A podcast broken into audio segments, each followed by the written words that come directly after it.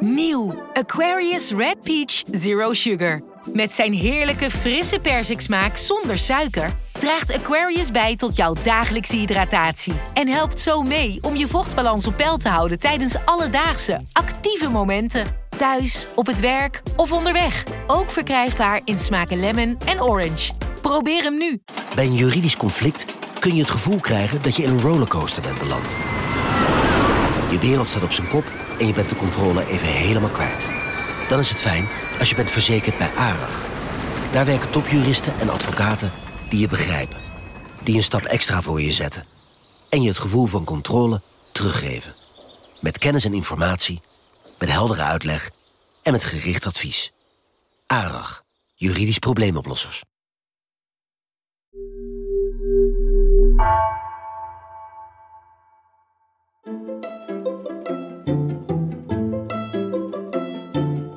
Welkom. Wij zijn Onbehaarde Apen. Dit is een podcast van NRC over wetenschap. Vanochtend zat ik op de fiets onderweg naar de studio van NRC en ik bedacht me, er zitten vijf batterijen om me heen en ik heb nog geen eens een elektrische fiets. Er zaten er twee in mijn lampjes, eentje in mijn telefoon en twee in mijn losse oortjes. Die batterijtechnologie ontwikkelt zich razendsnel en iedereen lijkt op zoek naar kleinere, snellere, betere batterijen is de superbatterij al in zicht. In deze aflevering neemt wetenschapsredacteur Laura Wismans ons mee in de wereld van batterijen en hoe ze werken. En tech-redacteur Mark Heijink neemt ons mee naar de batterijfabriek van Tesla. Want hoe gaat de batterij van de toekomst eruit zien? Laura, jij zit uh, met nog meer batterijen om je heen dan ik vanochtend op mijn fiets zat. Ja, een uh, doosje uh, alledaagse batterijen, een beetje uh, ook batterijgeschiedenis hebben we even bij elkaar gezocht, gewoon voor de leuk. dit vond ik zelf wel de mooiste. Dit is een Sonotone Battery X42. Hij, ik hou hem even omhoog. Um, ja, volgens mij hij, hij is 10 bij 5 centimeter en ook nog 2,5 centimeter dik ongeveer. En dit is een batterij die ooit bij een hoortoestel hoorde. Wauw. Ja, eh, echt wel een, een heel oude batterij. Er staat zelfs een gebruiksaanwijzing uh, achterop. En um, uh, uit de test blijkt volgens deze achterkant dat die uh, maar vier uur achter elkaar gebruikt mag worden. En daarna 24 uur moet liggen. En dat je ook batterijen moet wisselen, het liefst dagelijks. Dus het is, ja, je, dat je dit, ja, ik heb ook... Ik wat weegt die? Ja, best wel, best wel wat. Je mag hem ook wel even vasthouden. Het is, een, het is een forse batterij en het is een zware batterij. Ja, precies. En in welke tijd komt dit? Ja, dat, uh, dat vertelt het verhaal niet echt. Hier, dit is ook het bijbehorende um, uh, hoorapparaat. Het komt op mij archaïs over. Een beetje jaren, jaren 60. Het is een beetje een maatje iPod, lijkt het wel, of ja, niet? Ja, ja, dat is wel een goeie. Maar nee, ik vond het wel een heel mooi uh, voorbeeld van... dit was ooit ook een batterij. En nu lopen wij natuurlijk dagelijks met... Ja, ik schreef laatst een stukje over uh, hoorapparaatbatterijtjes. En dat ging over hele kleine knoopcellen... met ja, super geavanceerde luchtbatterijtjes was dat. Nou, als je ziet hoe snel nou, bij zo'n toepassing... de batterijtechniek dus ontwikkeld is. En nou, verder in mijn bakje zitten ook nog gewone AA-batterijen. Iedereen wel bekend. Ja, dat is uh, nog de batterij die iedereen voor zich ziet als je zegt uh, batterij, zeg maar. De, de, de, de, tenminste, voor mijn generatie. Ik had ze vroeger in mijn Walkmans. Ja, nu, nu zitten ja. ze nog in mijn uh, elektronische deurbel. Ja, hij zit ook in mijn opnameapparaatje. Gaan ook nog dit soort batterijen. Grappig is dat dit een niet oplaadbare batterij is. En dit een wel oplaadbare batterij. Dus ze zien er hetzelfde uit, maar binnenin de batterij zit andere chemie. Dit is gewoon een alkaline batterij, waar, uh, die is dus niet oplaadbaar. Uh, dat alkaline, dat, dat, ja, het, het zuur heeft, uh, daar dankt hij zijn naam aan, uh, zeg maar.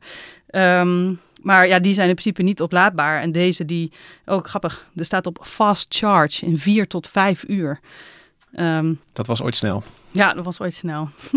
Nou ja, goed. En ja, die heb je natuurlijk in alle soorten en maten. Nu, ja, in onze telefoon zit een batterij. Die gebruikt denk ik de meeste mensen het meest. En, uh, maar vooral elektrische auto's, de, de, de batterij en de batterijontwikkeling, die, uh, die gaat hand in hand met de ontwikkeling van de elektrische auto. En dat is wel waar de, ja, de batterijtechnologie zich nu op toespitst. Want ik, ik zeg wel dat ik een, een batterij in mijn telefoon heb zitten, maar het voelt niet uh, als een, een, een batterij uh, zoals die, die alkaline batterij die je net uh, even vasthield. Omdat ik hem, ja, ik zie hem eigenlijk nooit. Ik, ik, ik verwissel hem niet meer. Um, hij zit er gewoon in. Bij je Nokia 3310 kon je nog het, de achterkant eraf halen. Dan zag je hem tenminste zitten. Dan kon je ook de batterij eruit halen. Maar ja, nu, je ziet, je ziet je telefoon nooit meer van binnen. Dus de batterij zie je ook niet. Dus, dus kan ik wel concluderen dat in, in moderne apparaten zit de batterij eigenlijk bijna geïntegreerd uh, in, in, het, in het systeem. En, en uh, um, ja, je ziet hem niet. En als hij stuk is, dan betekent dat ook vaak een, een dure reparatie. Ja, bij je telefoon wel. Maar bij bijvoorbeeld een elektrische fiets, wat ook een, een, ja, eigenlijk een vergelijkbare batterij is, daar zie je hem wel heel erg zitten. Dus ja, je, je ziet batterijen overal, maar waarschijnlijk zitten ze in nog veel meer dingen dan je je beseft. Ja. En uh, Mark Heink, jij zit hier ook in de studio. Um, jij bent tech-redacteur. Zit er nou, als het gaat om de specs van apparaten, dan, uh, dan gaat het vaak over uh, hoe snel, hoe groot, hoe, hoeveel pixels. speelt batterij duur daar ook een rol? Ja, zeker. Vooral bij de smartphone, hè, de populairste gadget die iedereen heeft, is eigenlijk de vraag: hoe kan het nou dat een apparaat dat al decennia bestaat eigenlijk, nog steeds één dag doet met een flinke lading stroom? En dat betekent dat, dat eigenlijk de stroom steeds dat er steeds meer stroom uh, wordt geleverd door de batterij. Maar het toestel is eigenlijk zo krachtig geworden dat het toch binnen 24 uur wordt leeggehaald. En um, het is uh, nu zo'n integraal onderdeel geworden van het, uh, van het toestel dat je, ja, je, je, breekt hem niet meer open. Maar ook omdat hij dan stuk zou kunnen gaan. Dus het is ook een soort constructiekeuze geworden om, om hem te integreren. En als je zegt de, de ontwikkeling van de technologie en dus de, de energieopslag, die zijn daarin hand in hand gegaan. Onze apparaten zijn krachtiger, onze schermen zijn, zijn, zijn mooier dan ooit. En, en, de, de, de batterij kan het steeds maar net bijbenen. Ja, je ziet een beetje de, de verwachtingen als je zo'n apparaat gebruikt als een smartphone. Die, uh, die, die passen bij datgene zoals we het toestel al jarenlang gebruiken. Namelijk, uh, je gebruikt hem gedurende de dag, laat hem s'nachts op en kunnen de volgende dag weer gebruiken. En als je kijkt naar de, bijvoorbeeld de elektrische auto, die had moeite in het begin omdat het uh, dat wat de auto bood niet aansloot op wat we al gewend waren. Namelijk lange afstanden rijden, even snel tanken en dan, dan weer door. De batterij werkt dus gewoon anders. En dus is het um, uh, de manier waarop we een batterij gebruiken uh, en, en uh, ja, wat we ervan van willen eigenlijk. daarin zoeken we steeds de, de, de, de grenzen op, zou ik wel kunnen zeggen. Ja, en het is natuurlijk ook zo dat je denkt dat die elektrische auto iets is wat, wat we dan net nieuw moeten omarmen en dat we eraan moeten wennen. Maar eigenlijk was 100 jaar geleden die elektrische auto ook al een ding. De, ik geloof dat rond 1900, dus daar hebben we het echt over 120 jaar geleden, reden hier in Amsterdam allemaal uh, elektrische uh, taxis rond. En was op een gegeven moment de elektrische auto populairder dan de, de auto met een brandstofmotor, waar we nu nog steeds middenin zitten. Maar 100 jaar geleden reden we al in meerderheid elektrisch. Wat is er dan, dan gebeurd dat we nu in, in, in de autodampen zitten, Mark? Nou, er waren twee dingen, of twee of drie dingen die eigenlijk die brandstofmotor aantrekkelijker maakten. Namelijk de uitvinding van de startmotor, zodat je hem sneller aan, aankreeg. Je hoeft niet meer aan te slingeren. Want uh, tot die tijd was de, eigenlijk de elektrische auto gewoon veel makkelijker en gebruiksvriendelijker en ook stiller. Toen werd opeens de uh, uitlaat of de geluidsdemper uitgevonden, waardoor die motor niet meer zo'n herrie maakte. Dat was ook een voordeel. En toen kwam uh, meneer Ford en die ging die brandstofauto's in productie, massaproductie maken. En toen werd het, was het pleit eigenlijk beslist en ging iedereen over naar de massale productie van brandstofauto's. En die, of auto's met brandstofmotoren. En die uh, rijden we nog steeds uh, en rond. Maar de 20e eeuw had uh, Ford, maar de 21e eeuw heeft Musk. Ja. En dat is toch een figuur, Elon Musk, waar we niet omheen kunnen als we het hebben over um, elektrisch rijden. als het gaat over, over batterijtechnologie. Hoe belangrijk is de, de, de batterij in um, zeg maar de strategie van, van Elon Musk en zijn, zijn uh, Tesla's om um, auto's elektrisch te laten rijden? Het is het uh, centrale punt van zijn strategie. Want uh, kijk, auto's maken kan iedereen. Maar betaalbare auto's die met een flinke battery pack, hè, een flinke actieradius kunnen rijden, dat is een hele dure grap. Je moet je voorstellen dat de aanschafprijs van, van een elektrische auto, die kan uh, tot een derde of zelfs wel de helft bestaan uit alleen maar de kosten van de batterij. En dat betekent dat als je hem goedkoper kan maken, dat hij dan ook eh, direct massaler gebruikt kan worden. En dan ook ingezet kan worden voor, eh, ja, eh, voor iedereen. En niet alleen de, eh, de, eh, de liefhebber van de sportauto of de, de rijkere persoon die Model S even zo uit zijn achterzak kon betalen. En, en is er in die, in die tussentijd, wat, er, wat is er ehm, eh, veranderd aan, eh, aan, aan batterijtechnologie dat het nu ehm, aan de ene kant economisch aantrekkelijker en, en technisch beter haalbaar is dat, eh, ehm, dat we nu wel een batterij kunnen maken met, ja, waar, je, waar je een flinke afstand op kan rijden ten opzichte van ja, begin 20e eeuw? Ja, ten opzichte van het begin 20e eeuw weet ik niet precies wat voor batterijtechniek eh, of technologie ze toen gebruikten. Maar nu, de laatste jaren, je ziet dus dat eh, elektrische auto's rijden op lithium-ion batterijen. Ehm, eh, die ja, bestaan sinds eind jaren 70, geloof ik, begin jaren 80. En eh, die zijn gewoon sindsdien veel beter geworden. Die zijn, eh, ze hebben getweakt aan, aan alle eh, stukjes chemie in die batterij. En hij kan meer energie opslaan. Hij kan steeds sneller laden. Ehm, nou, die batterij wordt gewoon beter en beter. En daarmee, ehm, volgens mij is het nog niet zo heel lang geleden dat elektrische auto's een actieradius van 150 tot 200 kilometer hadden. Ehm, en nu hebben ze eh, de betere, kijk weer even naar Mark, maar eh, rond de 500. eh, Ja, op een goede dag, hè, als het niet te koud is, dan kom je er 500 kilometer ver mee. Het is natuurlijk wel volledig afhankelijk van je gebruik. En de, de beloftes zijn ook nog, nog altijd groot. Maar toch, het is gewoon een factor 2, 3 eh, beter geworden in een vrij korte tijd. Ja, dat kan ook nog beter worden. Of de- ze gaan nog wel wat beter worden, komen we zo meteen natuurlijk op. Maar ehm, eh, ja, de, de elektrische auto en de wil om die elektrische auto te verbeteren eh, hangt dus eigenlijk voornamelijk af van een betere batterij. En daarom heeft de, ook het onderzoek en de ontwikkeling van batterijtechnologie is heel erg gedreven door, eh, ja, door de opkomst van de elektrische auto. Ehm, alle ballen op lithium-ion is eigenlijk op een gegeven moment eh, gebeurd. Er zijn natuurlijk nam- namelijk meer batterijtechnieken. Maar de lithium-ion batterij die ehm, heeft wel eh, ja, hetgeen waar het meeste onderzoek naar, naar gedaan is. En die dus ook het hard vooruit gaat. Ha, letterlijk en figuurlijk. En, en, en lithium-ion, je zegt alle ballen op de lithium-ion batterij. En dat is omdat dat de batterij is die gewoon, eh, als, als- dat is toch ook de batterij die ik in mijn telefoon heb zitten. En, en dat is, dat Ja, ja, je lithium is, een, is wat dat betreft een fijn ehm, element om te gebruiken, want het is heel licht. Het is het lichtste metaal dat er is. Dus en in een auto en ook in je, in je telefoon en eigenlijk alle mobiele toepassingen. Nou, we hadden net die hele zware gehoortoestelbatterij in onze hand. Ja, als je daar eh, een auto op wil laten aandrijven, dat wordt veel te zwaar. Eh, dus, dus het lichte metaal lithium, dat ook nog lekker reactief is, dus het doet het goed in een batterij. Eh, ja, dat is een, een heel fijn eh, metaal om, om, om mee verder te gaan. En daar zit dan ook nog veel onderzoek om die batterij gewoon beter te krijgen. We hebben het echt over het optimaliseren van, van technologie. Hoe kunnen we zoveel mogelijk energie uit lithium persen? Vat ik het maar even samen. Ja, nou, de energie die je uit lithium kunt persen is wel hetzelfde. maar hoe kun je in het batterijtje zoveel mogelijk lithium kwijt, bijvoorbeeld? Zodat er zoveel mogelijk ionen kunnen gaan eh, van de een naar de andere kant kunnen. Eh, dus, dus ja, hoe krijgen we zoveel mogelijk energie in die batterij? Het gaat ook wel om, nog om andere dingen hoor. Tesla is ook heel erg bezig bijvoorbeeld met het verbeteren van de elektroden en zo. Maar voor het grootste deel is dit een heel scheikundig verhaal. En wat is dan het ehm, einddoel? Is dat al, al eh, te, bedenken of in zicht? Is er, is er een gedroomde batterij waar iedereen eh, naar zoekt en aan werkt? Of stel ik het dan te simpel voor?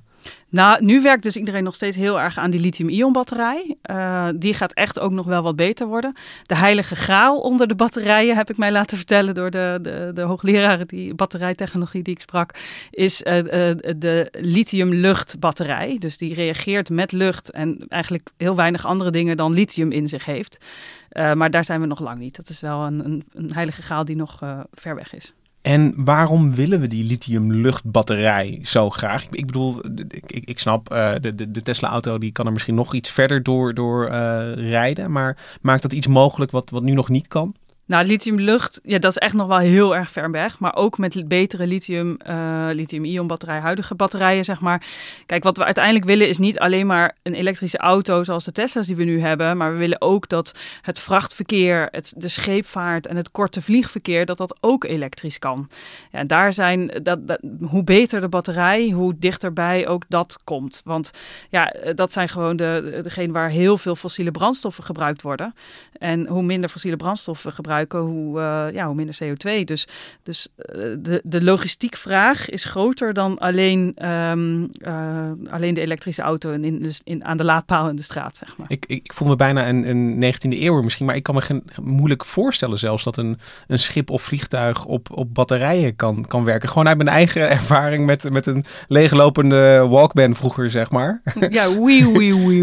Precies. En, nou, ik las gisteren toevallig een nieuwtje over dat de eerste uh, echt grote vrachtschip, een olietanker was het. Dat is dan wel weer heel ironisch. Een eerste batterijgedreven olietanker was er. Nou, dat vond ik wel weer... Uh... Oké, dat is het toekomstbeeld. Dat is de droom. Een, een wereld die veel meer um, uh, werkt op uh, batterijen die verbrandingsmotoren kan, kan vervangen. Um, maar over die zoektocht wil ik nog wel veel meer weten.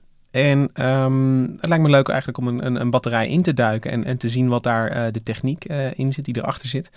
En om helemaal even um, bij het begin te beginnen. Wat is een batterij, Laura? Uh, ja, een batterij is een, uh, een ding om energie in op te slaan. En dat je het later kan gebruiken of ergens kan gebruiken waar je geen stekker in het stopcontact uh, kan steken. Um, dat is wat een batterij doet. En in principe er zijn heel veel batterijtechnieken, maar eigenlijk uh, doen ze allemaal hetzelfde. Zodra je de, het, stroomcircuit sluit, dus je, je, je, zet je lamp aan, je zet je telefoon aan, dan komt er, uh, gaat er een, een de, de, elektronenstroom komt op gang. De elektronen lopen door je apparaat. Tegelijkertijd vindt er in de batterij een, een reactie plaats. een chemische reactie dus. En tussen welke stofjes dat precies is, dat wisselt heel erg per batterij. Uh, maar heel grofweg is het dus altijd zo dat er ionen van de minkant naar de pluskant van de batterij lopen. En want, want, um, want we hebben het heel veel over lithium gehad, maar ik, ik ken gewoon uit de, de, zink komt in, in mijn gedachten op en uh, cadmium. Dat zijn allemaal materialen dus die, die in een batterij kunnen zitten. Ja, dat zijn voorbeelden van die uh, gewoon die alkaline batterijtjes die, die ik net uh, omhoog. De AA-batterij. Daar zit uh, zinkpoeder in, waar de ionen uitkomen. met mangaandioxide en grafiet bijvoorbeeld. Dus ja, dat, dat zit daar dan in. Um, maar ja, die heeft ook ionen die van de ene kant naar de andere kant lopen. En, maar dat zijn geen lithium-ionen. En, en hoe zit dat in die lithiumbatterij? Kun je me even. Ik, ik, ik heb in mijn hoofd heb ik nu een, um, een cel. En uh, um, met aan de ene kant zit lithium. En wat zit er dan aan de andere kant? Nou, leuk dat je ene kant en andere kant zegt. Toen ik me, ja, toen ik me ging verdiepen in de batterijen. Um, uh, ook ik zag eigenlijk gewoon zo'n AA-batterijtje voor. Waarbij ik, waarbij ik altijd dacht dat van de ene kant, dus onderin naar bovenin, de reactie plaatsvond. Maar bijvoorbeeld in je, um, in je telefoon en ook in, in de, de batterijen die in, uh, die in heel veel batterijen samen in, in een Tesla zitten of in andere elektrische auto's. Dat zijn eigenlijk hele dunne laagjes uh, en die zitten opgerold in een, in een batterij. En de reactie vindt plaats tussen die dunne laagjes. Ze leggen helemaal niet een hele grote afstand af. Dus die, die laagjes die hebben wel een plus- en een minkant. Een, uh, de pluskant heet een kathode en de minkant heet een anode. Um, en um, in de ja, misschien is het heel goed om echt wel eventjes, je moet echt die stoffen benoemen, want dat uiteindelijk zit daar ook uh, ja, het verschil in hoe zo'n batterij uh, beter kan, kan worden. Um, de anode bestaat uit grafiet meestal van een, een huidige lithium-ion batterij. En tussen dat grafiet, dat zit eigenlijk in laagjes, en tussen dat grafiet, daar zitten de lithium-ionen. Dat is in, als die opgeladen is, uh, daar, daar bevinden ze zich. Um, dat is de minkant. En um, ze willen, als de reactie plaatsvindt, die lithium-ionen, die willen heel graag naar de pluskant. De pluskant uh, bestaat uit uh, kobalt of um, kobalt, een combinatie met kobalt, nikkel en mangaan. die trekt die ionen aan. die ionen die kunnen in de batterij van de ene kant naar de andere kant. Uh, maar de elektronen die willen eigenlijk diezelfde weg afleggen, maar die kunnen niet door de binnenkant van de batterij. Die moeten buitenom. En dat is eigenlijk waarom de, ja, er een stroom gaat lopen. Dat, dat is het truc die er eigenlijk wordt uitgehaald. Ja. Dus de, de, die ionen zelf, het element, dat, dat kan uh, de, de, de afstand overbruggen, de kleine afstand. Maar de elektronen worden gedwongen om een omweg te nemen. Ja. En zodra je een stroompje elektronen hebt, dan hebben we het ook letterlijk over stroom. Ja, ja, ja, ja, een stroom is een, uh, een stroom elektronen. Dus als de batterij is opgeladen, zitten de lithium-ionen aan de, uh, aan de anode. Um, maar die, die willen dus graag uh, naar de overkant. Um, behalve een anode en een kathode zit er ook nog een separator tussen die twee. Um, want ja, die, die twee kanten die moeten niet met elkaar in aanraking komen. En er zit nog een geleidende stof in. En dat is de elektrolyt. Eerder zei ik altijd het elektrolyt, lijkt me logisch, maar het is de elektrolyt. en uh, die zorgt ervoor, daar, daar kunnen de ionen makkelijk doorheen. Uh, en het is ook het, de elektrolyt waar de, uh, waar de elektronen niet doorheen kunnen. Dat is, dat is een waterige, ja, beetje pasta-achtige vloeistof. Um, die, ja, dat, die zorgt voor de geleiding van de ionen binnen in die batterij. Dus elke keer als ik mijn telefoon uh, met een, uh, in het stopcontact stop, dan, dan gaat er echt letterlijk vindt er transport van ionen plaats in mijn batterij. Die gaan ja. van, van, die, van die ene kant in zo'n opgewikkeld laagje naar de andere kant. Ja, inderdaad. Ja, dus als je je telefoon gebruikt, dan, loopt, dan ontlaat de batterij. Uh, dan gaan ze van de minkant naar de pluskant. En als je uh, in je stopcontact steekt, dan laat je hem dus op. Dan um, wordt die stroomelektronen de andere kant op geforceerd. En gaan ook de lithium-ionen weer terug door het elektrolyt en de separator terug naar de grafietkant. Hey, Laura, als je nou, uh, wat mij nog wel eens gebeurt, uh, een batterij heel lang niet gebruikt in een apparaat, hè, dan gaat die, uh, komt er een of andere smurrie uit, of gaat die roesten of zo. Is dat ook iets wat dan gebeurt omdat er iets met de ionen aan de hand is binnenin? Nou, niet zozeer met de ionen, maar wel met de elektrolyt. Het lekken van batterijen is best wel gevaarlijk. ja, dan, dan, dan kunnen ze misschien wel gaan ontploffen of in de brand vliegen. dus dit is wel, als dit gebeurt, dan zou ik ze heel gauw weggooien. Ik ga het doen. Ja. en um, op zich is het natuurlijk mooi dat je, die, uh, um, dat je alle lithium-ionen ook weer terug kan sturen. Um, maar kan dat, blijft dat eindeloos goed gaan als ik goed zorg voor mijn batterijen? Nee, nou goed zorgen voor de batterij helpt wel in dat die langer meegaat. Uh, maar uh, eigenlijk altijd wordt de capaciteit na verloop, wel, uh, ja, verloop van tijd wel minder. Hij degradeert, zoals dat dan heet. Er zijn meerdere oorzaken eigenlijk voor. De eerste is dat lithium-ionen en elektronen soms reageren met het elektrolyt en dan een vaste structuur vormen. Dus er zijn er minder lithium-ionen beschikbaar en ze lopen ook minder goed van de ene naar de andere kant tijdens het op- en ontladen. maar ook aan de bijvoorbeeld, als daar te veel lithium-ionen zijn, uh, dan, dan vindt er ook wel eens een, een, een, reactie plaats waarbij lithiumoxide ontstaat bijvoorbeeld. Dat is ook vast. En dan zijn, ja, dan zijn de ionen, uh, ja, die, die kunnen niet meer heen en weer. Um, dus er zijn gewoon minder ionen over om te, om te reageren. En ook, uh, ja, zodat er allemaal overal vaste, vaste stoffen in, in wat verder eigenlijk vloeibaar zou moeten zijn. Ja, dan is er ook minder ruimte om te reageren. Dus er wordt ook ja, vaak aangeraden om batterijen niet helemaal op te laden of helemaal te ontladen.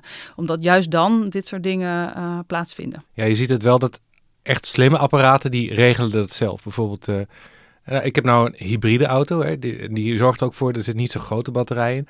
Maar dat eigenlijk nooit boven de 90% gaat. Zodat uh, dat chemische proces een beetje binnen de perken blijft. En dat zit je in de veilige zone, zoals dat heet. Dat laatste stukje van die ionen terugduwen, dat is heel moeilijk voor de batterij. Ja, en da daar kun je mee stuk maken of degraderen. En, en, dat degraderingsproces, dat zie je heel vaak niet. Maar bij sommige apparaten die heel intensief of heel lang gebruikt, ge gebeurt dat nog wel.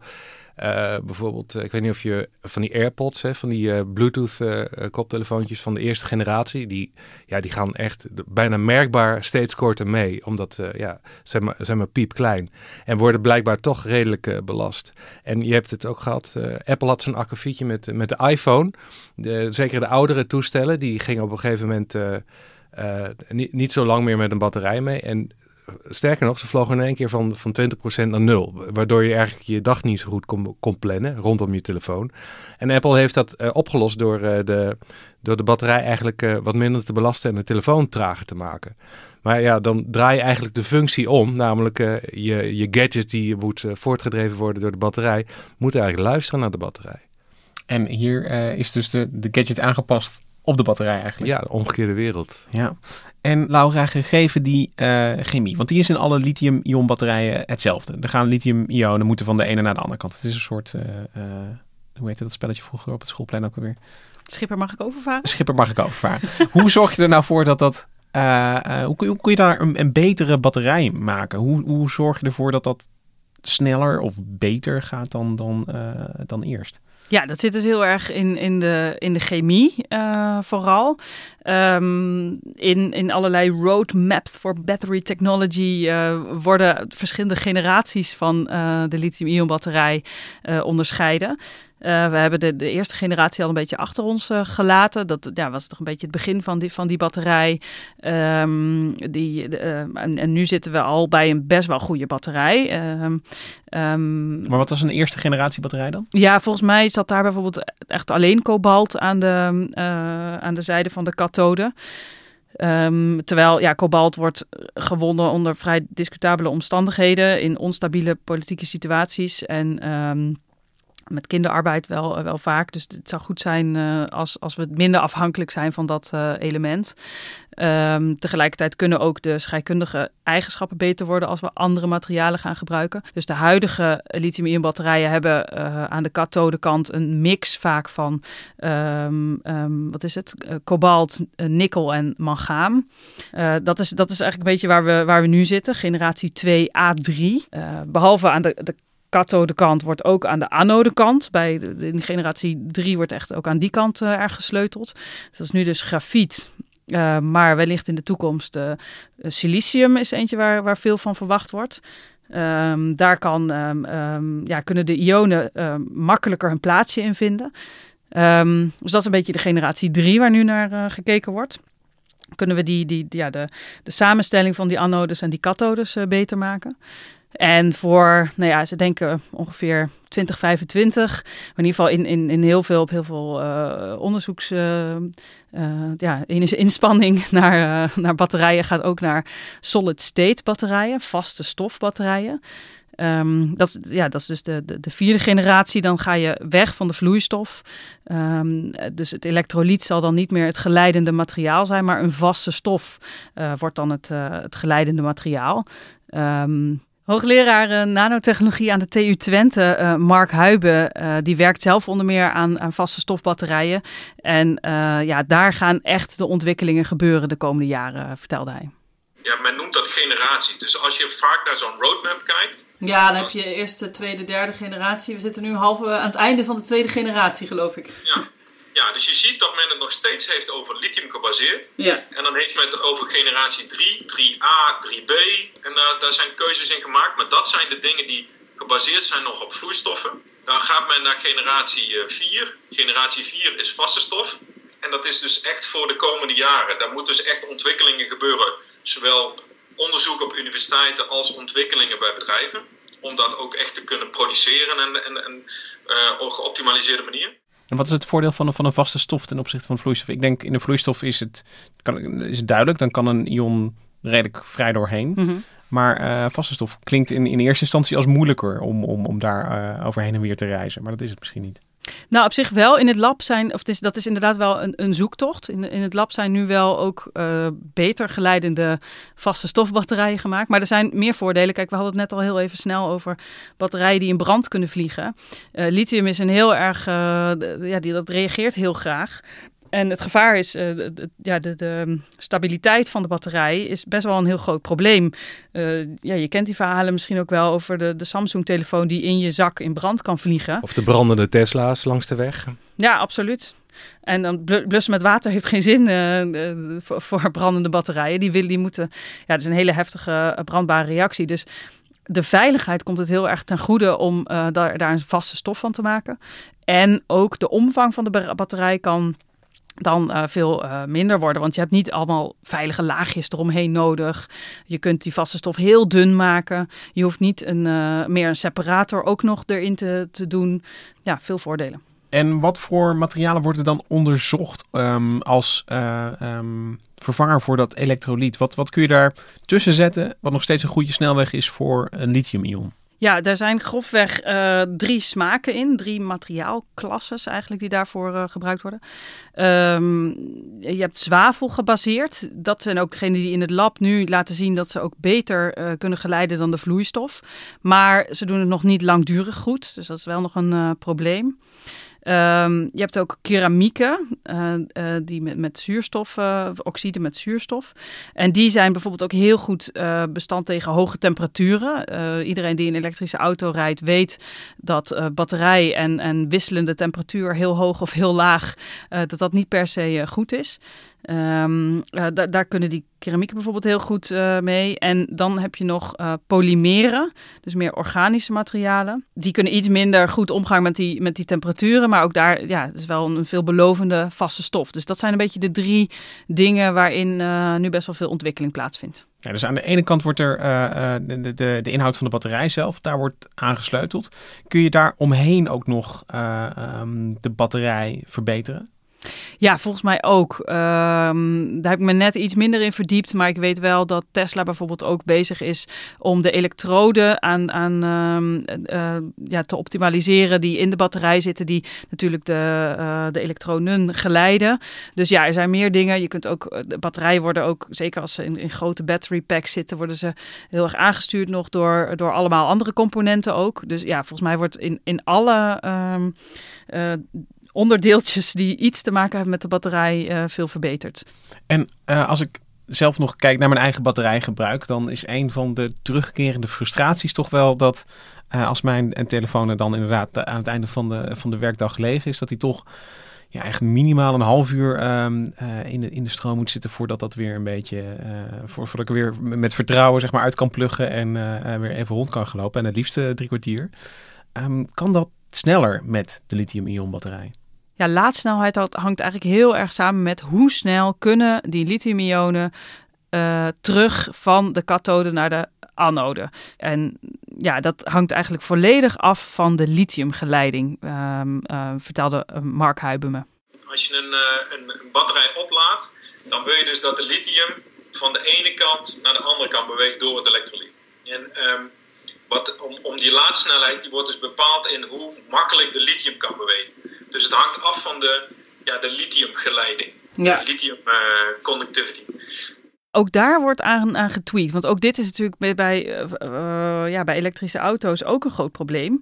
Uh, komt steeds terug op de elektrische auto, omdat daar heel veel innovatie naartoe gaat. Maar uiteindelijk helpt dat natuurlijk ook voor je, voor je mobiele telefoon. Um, ik schreef laatst een stuk over dat, waar range anxiety als mooie term naar voren komt. Dat, dat is een van de grootste ja, dingen waardoor mensen zichzelf nu tegenhouden om een elektrische auto te kopen. Omdat je toch denkt, ja, dan sta ik straks drie kwartier langs de kant van de weg. En dat noemen ze dan notabene snel laden. Um, daar zullen de mensen die al langer elektrisch rijden tegenin brengen. Ja, maar je hoeft niet altijd je hele batterij weer te vullen langs de kant van de weg. Je hoeft alleen maar thuis te komen. Maar toch is dat, um, ja, dat, dat die gewoon tijd nodig heeft om te laden, is wel een, een groot punt. En nou, daar wordt dus ook aan getweakt. Uh, ik zei net al, als je bijvoorbeeld een anode met silicium maakt, um, daar kan de. Uh, daar, daar kunnen de lithium-ionen uh, sneller in. Dus, um, dat heeft gelijk een voordeel voor je laadsnelheid. Ja, zeker. Want wat er nu gebeurt bij het grafiet, als je daar heel veel uh, stroom op zet uh, om te gaan opladen, dan uh, hopen die, die lithium-ionen zich op bij, bij binnenkomst. Alsof je een hele schoolklas door een, tegelijk door een deur wil laten gaan. En ehm, ook daar vormen zich weer ja, harde stukken. En dat kan zelfs ehm, dwars door je batterij heen naar buiten komen, waardoor die weer in de fik vliegt. Uh, dus te hard laden is zeker een, een, een, probleem. Je moet dat rustig aandoen. Terwijl als die uh, ionen makkelijker hun weg vinden in de anode bij het opladen, dan um, ja, kan, je daar, uh, kan je daar meer stroom op zetten. Dan gaat het sneller. Iets anders is om te spelen met de temperatuur. Um, als je de temperatuur hoger maakt, dan wordt de weerstand lager en gaan de ionen makkelijker van de ene kant naar de andere kant. Dat is altijd wel balanceren, want het elektrolyt kan helemaal niet goed tegen temperatuurschommelingen. Dus die, dat zal uh, uh, heel snel degraderen als, het, uh, als de, de, temperatuur te hoog is. Maar nou, bijvoorbeeld in, in Penn State University zijn ze heel erg bezig met ja, precies dus alleen tijdens het laden heel snel de temperatuur een beetje omhoog. En daarna weer heel snel naar beneden. En dan zo hebben zij een mooie balans gevonden tussen wel sneller laden, maar niet degradatie van het elektrolyt. ja, het is allemaal heel scheikundig, dit, dit verhaal. Ja, dus, maar... dus ook in het proces kun je op, op, op zoek naar optima waarin je gewoon de, de, de de, de, de, de lithium-ionen het, het, snelst mogelijk zeg maar, van de ene naar de andere kant ja, jaagt. Ja, absoluut. Wat ik het nadeel vind altijd van die nieuwe generaties is eigenlijk als je het, uh, nu een apparaat koopt, hè, nou een telefoon of een auto, dan uh, zul je toch nog met de huidige laadtechniek uh, moeten doen, omdat die batterijen er niet voor geschikt zijn of de software van de auto. Dus er zijn nog een hoop bottlenecks rondom de batterijen zelf die ervoor zorgen dat de, de, ja, de innovatiesnelheid niet zo vlot is als alleen die chemische verandering. En betekent dat dan ook dat, uh, want jij noemde het al even, Laura, er is vaak een, een, ja, toch een, een fabrikant voor nodig uh, om, om, het, uh, om een proces echt helemaal uit te ontwikkelen. En dus ik, ik, je vertelt dan, dan op een universiteit zijn ze dan weer heel erg goed, goed dicht in, maar, maar dat is wel de schaal waarop innovatie uiteindelijk plaatsvindt, is, is een grote partij die zegt: dit, dit gaan we echt ontwikkelen. Daar heb je toch een hele grote afdeling ingenieurs voor nodig om dat helemaal goed te krijgen. Ja, iets in een lab doen of iets op grote schaal produceren, dat zijn echt wel twee verschillende dingen. En ook omdat er dus meerdere wegen naar Rome leiden, waar ga je op inzetten? Wat doet het in, in jouw uh, ding het beste? Uh, en wat gaat zich dus bewijzen? Uh, dat is niet, ja, niet zomaar gezegd. En dat hangt dan inderdaad af of een grote fabrikant dat omarmt. Ja, zeker. En over die grote partijen um, gesproken, Mark, dan kunnen we gewoon niet om uh, Tesla heen. Ik bedoel, we hebben Elon Musk al eventjes geïntroduceerd aan het begin. Ja. Um, batterijen, uh, zei je al, spelen een hele grote rol in hun strategie. En dat heb jij ook van dichtbij gezien in de batterijfabriek van Tesla. Nee, je zegt het verkeerd. Het is de Gigafactory, hè? Want uh, alles is giga bij Tesla. Het klinkt al gelijk een, een uh, stuk spectaculairder, de Gigafactory. Ja, en wat het mooiste is, als je, het is een enorme fabriek. Je moet je voorstellen, een hele lege woestijn ergens in Nevada. En dan heb je zo'n uh, fout gokstadje dat net niet Las Vegas heet. Uh, dat uh, is Reno. En daar ergens in de buurt op een half uurtje rijden heb je een stadje dat heet Sparks, hè, Vonken. Dat is een geschikte naam. En, en daar is de Electric Avenue. En je zou denken, fluisterstille auto's, die elektrische auto's. Maar binnen is het een enorme teringherrie van karretjes en, en robots die heen en weer rijden. Mensen die tegen elkaar gillen. En daar worden de batterijen gemaakt. En dat uh, mochten we even van dichtbij bekijken. So what we're going to do is I'm going to walk you through energy very quickly, all right? And then we're going to go downstairs and we're going to go to the pack line. And then that, is that cool? Cool. You guys are all good with that? All right. En daar is een enorm gebouw uh, neergezet, een hal, de Gigafactory, uh, waar batterijen gemaakt worden voor Tesla Model 3 modellen. En dat uh, waren zeg maar de uh, destijds uh, de eerste uh, de batterij die Tesla volledig in eigen huis maakte. Ook, nou laat ik zo zeggen, dat die ze ook echt volledig onder controle hadden. Want Panasonic, die eigenlijk de batterij levert voor de Tesla, zit in die fabriek. Dus je moet je voorstellen dat, ja, ik weet niet hoeveel voetbalvelden het is, maar de helft van die fabriek is Japans en de andere helft is Amerikaans. Een shop in shop. Ha. Ja, ik moest ook een beetje zeggen aan een soort franchise model. Waarin uh, uh, Panasonic dus een, een stukje mag gebruiken van Tesla. Nou, uh, ze hebben wel echt het meest essentiële onderdeel. Want ja, daar maken ze de kleine cellen die uiteindelijk in modules en, in battery packs veranderd worden.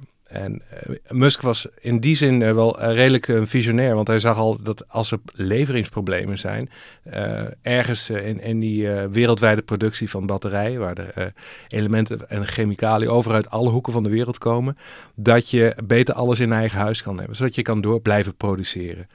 Tesla's Model 3 was de make or break van het hele bedrijf, omdat je Musk's plan was oké, we beginnen met een elektrische auto die eigenlijk veel te duur is voor gewone mensen. Maar als uh, maar genoeg mensen dat ding kopen en genoeg mensen ons merk leren kennen, dan gaan uh, we straks over naar massaproductie. En dan hebben we genoeg volume om de prijs van die batterij te, te drukken. Dat is het hele concept van die Gigafactory. Maar het eindspel van Tesla is dus om die batterijprijs naar beneden te krijgen. Om dat goedkoper te krijgen, zodat zij uh, op grotere schaal aan de massa auto's kunnen verkopen. Ja, en je zou het nog uh, één uh, stapje verder kunnen nemen door te zeggen dat het Musk niet eens uitmaakt dat Tesla de meeste elektrische auto's verkoopt, maar dat de hele industrie meer elektrische auto's verkoopt. En dat gebeurt nou ook eindelijk. En jij bent daar in die fabriek waar het een, een chaos van je welste is. Um, wat gebeurt daar? Hoe worden daar batterijen gemaakt? Ja, eigenlijk uh, van niks maken ze iets. Ze maken daar die hele kleine cellen. Ja, je moet je voorstellen, één zo'n cel is zo groot als, nou, uh, ik weet niet of je weet hoe groot een mitrailleurpatroon is. Uh, of je dat dagelijks vasthoudt, maar, of een aansteker. Laten we een aansteker, dat is een ronde aansteker. En daar, die worden op rolletjes gemaakt. Nou, wat Laura al omschreef, dat, daar worden die twee elementen in elkaar gerold eigenlijk, als een soort ja, pakketje. Um, en dat gaat uh, met 13 productielijnen die keihard stampen. En daar, daar, dat is in het gedeelte van Panasonic, in de batterijenfabriek. En uh, dat draait eigenlijk non-stop en vrijwel geautomatiseerd. En de andere helft van de fabriek die bestaat uit het, pro het, proces van die losse cellen modules maken die op elkaar aangesloten zijn met goede bedrading. En dat verwerken in een chassis dat uiteindelijk in een Model 3 gaat, uh, gaat belanden. En ze gebruiken daar ook de cellen om de powerwalls te, te maken. Dat zijn een soort uh, ja, opslagsystemen, energieopslagsystemen die mensen in huis kunnen hebben. En het was heel erg spannend voor Musk om die slag te maken naar de uh, massaproductie. Want ja, je, je moet die hele productiecapaciteit ook nou, daadwerkelijk benutten. Je kan niet meer zo'n fabriek uh, bouwen voor iets wat er tot nu toe niet was. Batterijen werden nog nooit zo op zo'n grote schaal gemaakt. Dus ze, ze, hebben daar zeg maar, de, de fabriek zelf moeten uitvinden terwijl ze daarmee bezig waren. En dat zag je ook. Uh, niet alles ging zo even uh, vloeiend en, en makkelijk. Ze hadden heel veel opstartproblemen. En uiteindelijk, toen ze ons zeg maar als een groepje journalisten daar rondleiden, waren de ergste problemen wel opgelost. En uh, als je het hebt over um, die, die, die cel, is, is toch de, de, de basiseenheid, weet je, de, de, de, de kleinst mogelijke eenheid van een batterij. Uh, uh, die, die moeten dus grote batterijpakketten worden. Ja, het worden uiteindelijk 4000 in de, in de Zon Model 3. Dus kun je nagaan hoe loodzwaar dat is. het is ook het grootste gedeelte van het gewicht van de auto natuurlijk. Hoe zwaar is, een, is het pakket uiteindelijk? Nou, je gaat er maar vanuit dat, dat een auto zoals de Model 3, die weegt meer dan 2000 kilo. Of de, ongeveer 2000 kilo. Ik geloof dat de Model S boven de 2000 is. En uh, ja, dat geeft maar aan dat er nog een enorme revolutie uh, uh, gaande is om, om die batterij lichter te krijgen. Want dan wordt die auto weer efficiënter. Dan ben je eigenlijk op twee, op twee fronten. Want Laura heeft heel veel batterijen meegenomen hier, die ik net allemaal nog... nog eentje was er wel best wel zwaar, maar je, je, hebt daar geen... Je, je, kan als toch volwassen man daar geen Tesla batterij vasthouden en dragen. Ik mocht hem aanraken met, onder toezicht, weliswaar. Maar weet je, ze zijn echt gewoon te zwaar. Zelfs die modules, dat zijn eigenlijk een soort repen aan elkaar gemaakt. die zijn te zwaar om als, niet als sterkste man van de wereld dat te tillen. Here we go. So this is, what the, this is what the modules look like inside the pack. And so to your question earlier about what, what, work it's done there, it's this, it's these pieces are all getting, everything that's black in here was what's being made over in that assembly area. And then these, these modules, this is how it sits in the pack before the cover gets placed on. En dat was uh, eh, 2019, toen uh, jij nog uh, kon reizen en toen er nog rondleidingen gegeven werden. Ja, de good old days, ja. Ja, um, is, is dat, ik, ik bedoel, ze zitten daar niet stil in het stadje Sparks, stel ik me voor. Um, zijn ze al, al beter geworden daar in het, in, in het proces dat je krijgt, het, het, het lichter krijgen, het efficiënter krijgen? Nou, wat ze eerst gedaan hebben is het optimaliseren van de productie. Dat lijkt saai, maar dat is wel heel erg belangrijk. Want daardoor hebben ze volgens mij vorig jaar 365.000 van die Model 3's gemaakt. En het is de, de best verkopende uh, elektrische auto op dit moment nog. Wat je uh, ook ziet is dat de hoeveelheid uh, nou inmiddels 35 gigawatt, gigawattuur is. En ze willen uiteindelijk naar 50 gigawattuur. Um, maar de chemie wordt ondertussen ook steeds verder verbeterd. Volgens mij beginnen ze binnenkort weer met een batterij die iets minder kobalt bevat. En nou, volgens mij zijn er nog meer verbeteringen. Laura, had jij daar... Ja, ja, volgens mij is, Tesla ook heel erg aan het inzetten op een anode van silicium. Ze zijn daar nu nog niet. Uh, maar dat gaat niet heel lang meer duren, uh, volgens mij. Er zijn wel andere. Er is nu een batterijfabriek, een Israëlische batterijfabriek, Stordot heet die. Die heeft dit nu laten zien dat het ook in batterij of in, fabrieksmatige setting kan. En ja, dit is, het is wel bekend dat Tesla ook daarop mikt. dus ik, ja, Tesla kennende kan het niet lang meer duren. Maar dat is nog niet aangekondigd of zo. En en eh, op, op jouw routekaart, Laura, zitten we hier dus, dus uh, het, het, de, de, generatie 3. Generatie 3, uh, Neemt hier hoge vlucht. Je wordt het uh, de, de, naar de meest efficiënte samenstelling gezocht. Ja, ja, dus een betere samenstelling die sneller kan laden. Dat is eigenlijk de belofte daarvan. Het, het, is ook wel heel fascinerend. Hè? Dat, vroeger was het altijd een PK-race. autofabrikanten probeerden elkaar af te troeven met snellere motoren. En nu zie je eigenlijk dat die, dat die batterij die functie helemaal heeft overgenomen. Dat het eigenlijk ja, uh, wie het verst kan rijden. In plaats van wie het verst kan plassen. Dat, dat wordt dan uh, het, uh, het onderscheidende element. En Tesla loopt daar nog steeds voorop en ze willen die voorsprong vasthouden. Vandaar dat, dat, dat het toch een hele belangrijke motivatie is om telkens weer te investeren in nieuwe technologie, in nieuwe chemie. En als we het hebben over die, die uh, dus als je nu, de modernste batterijen op, op, op de wereld vind je nu dus in, in Reno. Maar um, als we nog even verder kunnen dromen, Lara. We hebben het, we hebben het de hele tijd over um, batterijen in, in apparaten, in een auto. Uh, is er ook nog een, een plek voor, uh, uh, voor batterijen die nog groter zijn om energie in op te slaan? Op, op grotere schaal? Ja, een ander heel groot vraagstuk natuurlijk uh, is uh, wat moeten we met zon- en windenergie, uh, wat, wat, wat ja, onregelmatig wordt aangeboden, maar wat je ja, wil kunnen gebruiken wanneer jij het wil gebruiken. Um, en de, de vraag is of batterijen daar ook een rol in kunnen spelen. Um, het begin van dat antwoord wordt ook weer een beetje gezocht in, in, in lithium-ion batterijen.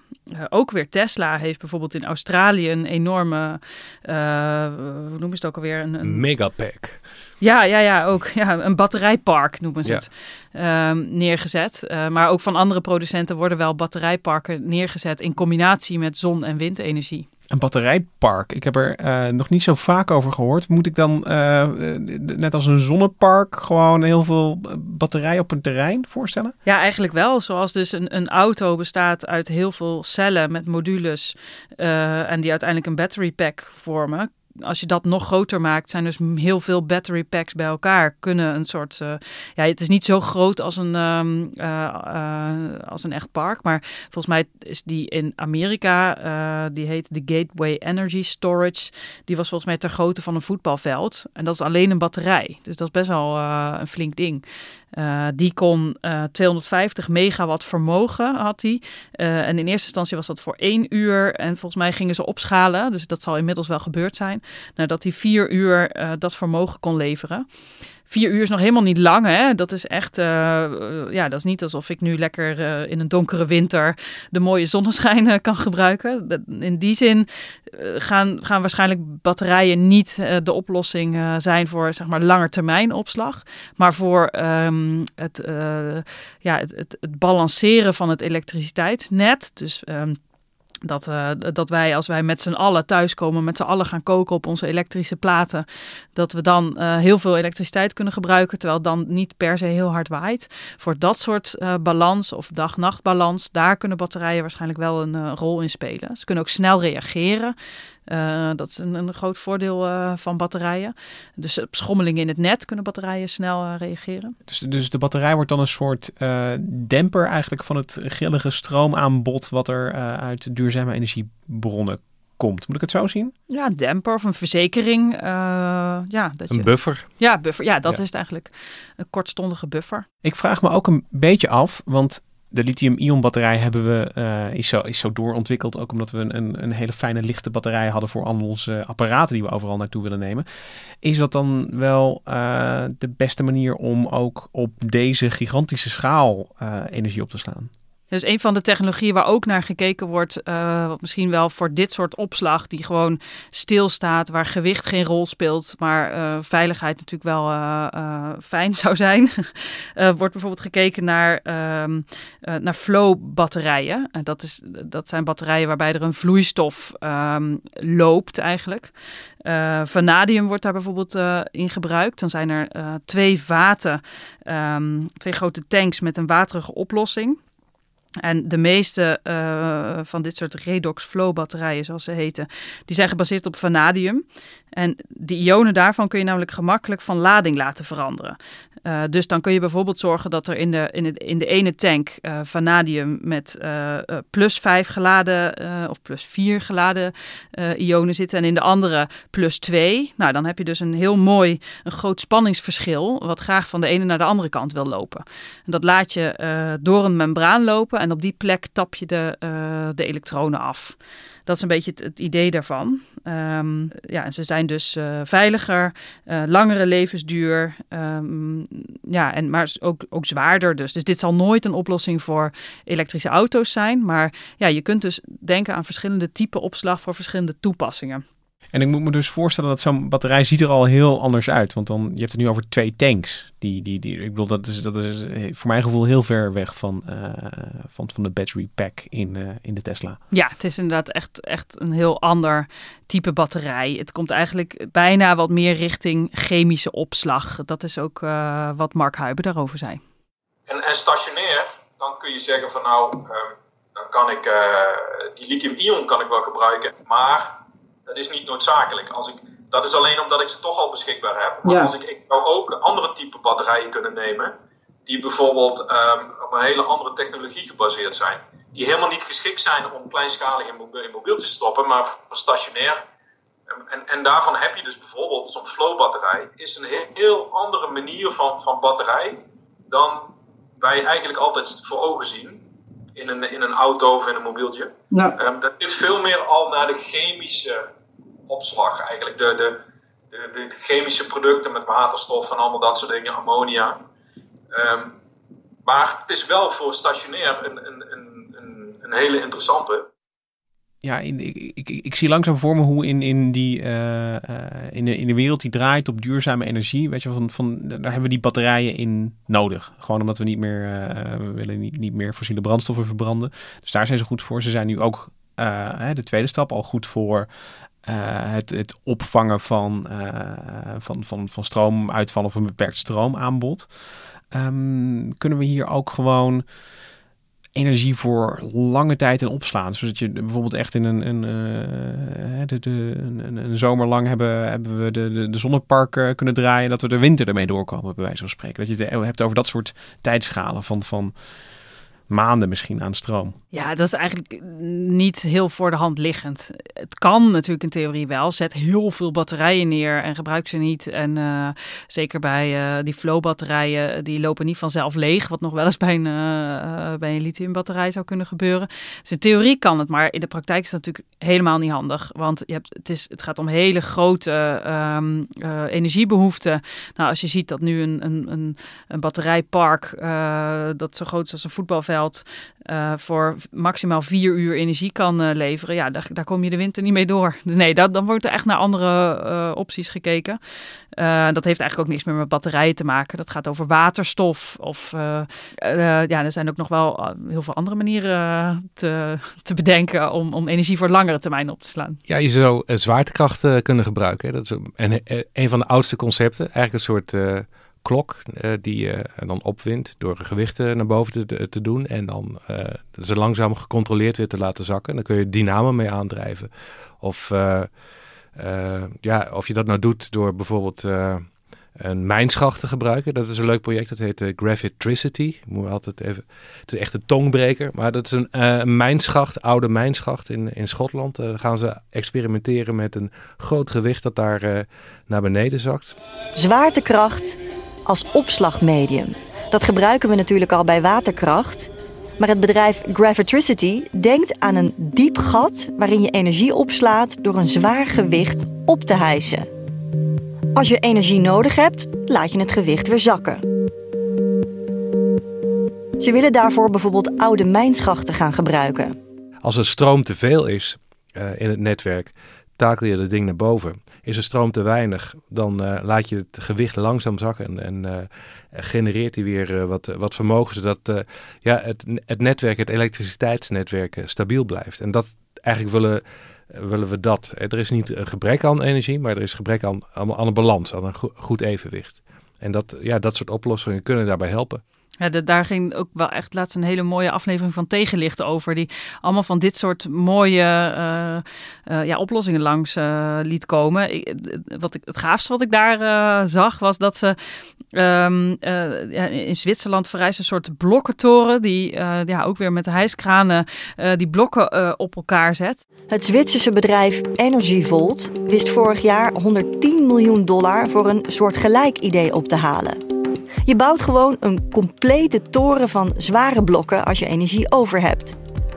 Wordt er extra energie gevraagd, dan breek je de toren weer af door de blokken te laten zakken. De zakkende blokken wekken via dynamo's elektriciteit op. Met de dansende blokken kan een constante stroom elektriciteit worden gegarandeerd uit het grillige aanbod van duurzame bronnen.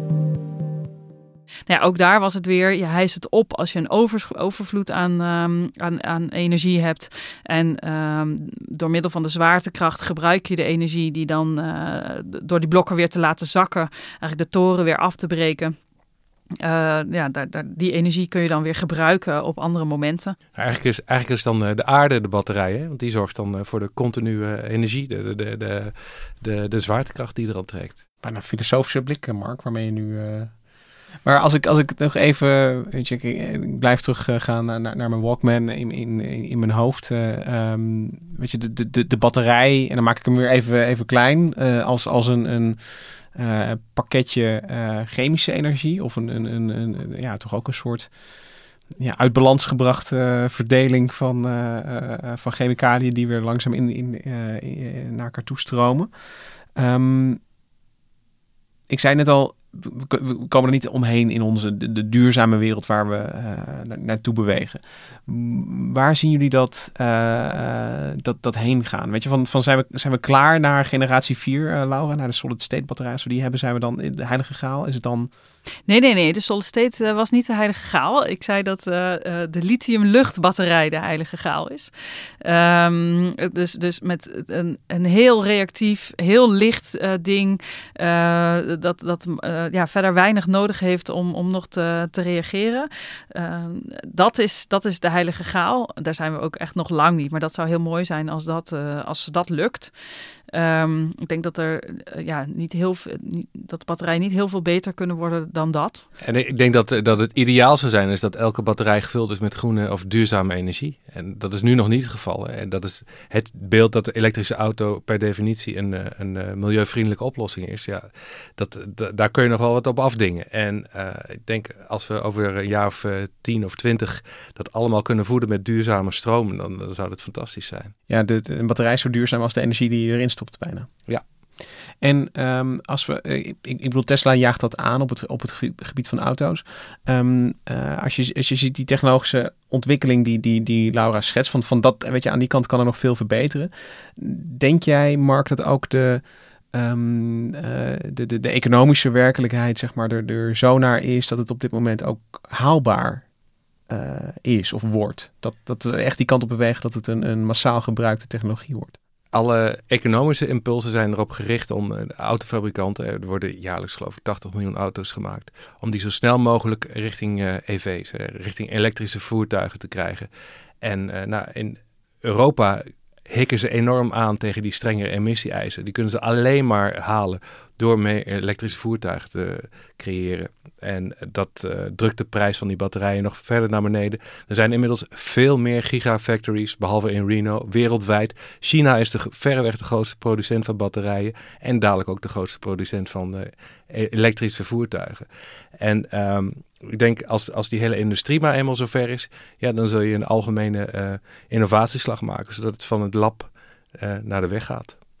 En dan uh, uh, kijken we terug op de, de, de, de benzinemotor als een soort tussentijdperk tussen ja, twee elektrische.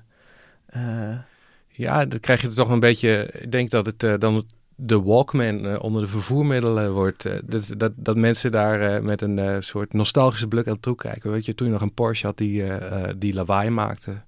De houtstook onder de verwarming. dit. Ja, ja, ja, inderdaad. Hoop fijnstof. En eh, eh, Laura, denk je echt een, een, een, een, eh, op batterij aangedreven vliegtuig of, of, of olietanker? Dat, dat, die komt er ook wel. Ja, ja, volgens mij wel echt. Maar eerder dat ik ermee naar, eh, of dat je ermee naar eh, Rome vliegt, dan dat je ermee naar Australië vliegt. Eh, daar zijn ook dat weer voor elk type toepassing wordt andere manier van energie brengen, of energiedragers eigenlijk ontwikkeld. Nu, dat is wel, ja, het is nu heel eenvormig allemaal. Ehm, en ik denk dat daar veel meer differentiatie in komt. Maar voor korte vluchten is elektriciteit, of de batterij, wel hetgeen waar de meeste van verwacht wordt, ja. Bijna alles is een batterij. Mooi gezegd, voor bijna alles. En voordat de batterij van de luisteraars helemaal eh, leeg is door het luisteren van deze podcast, eh, gaan we hem toch eh, afsluiten. Laura en Mark, heel erg bedankt dat jullie hier over de wereld van, van batterijen kwamen vertellen. Nina van Hattem, heel erg bedankt voor de productie van deze aflevering. En de muziek die je hoort, die is door het Dudok Quartet ingespeeld. Wij zijn er volgende week weer. Tot dan!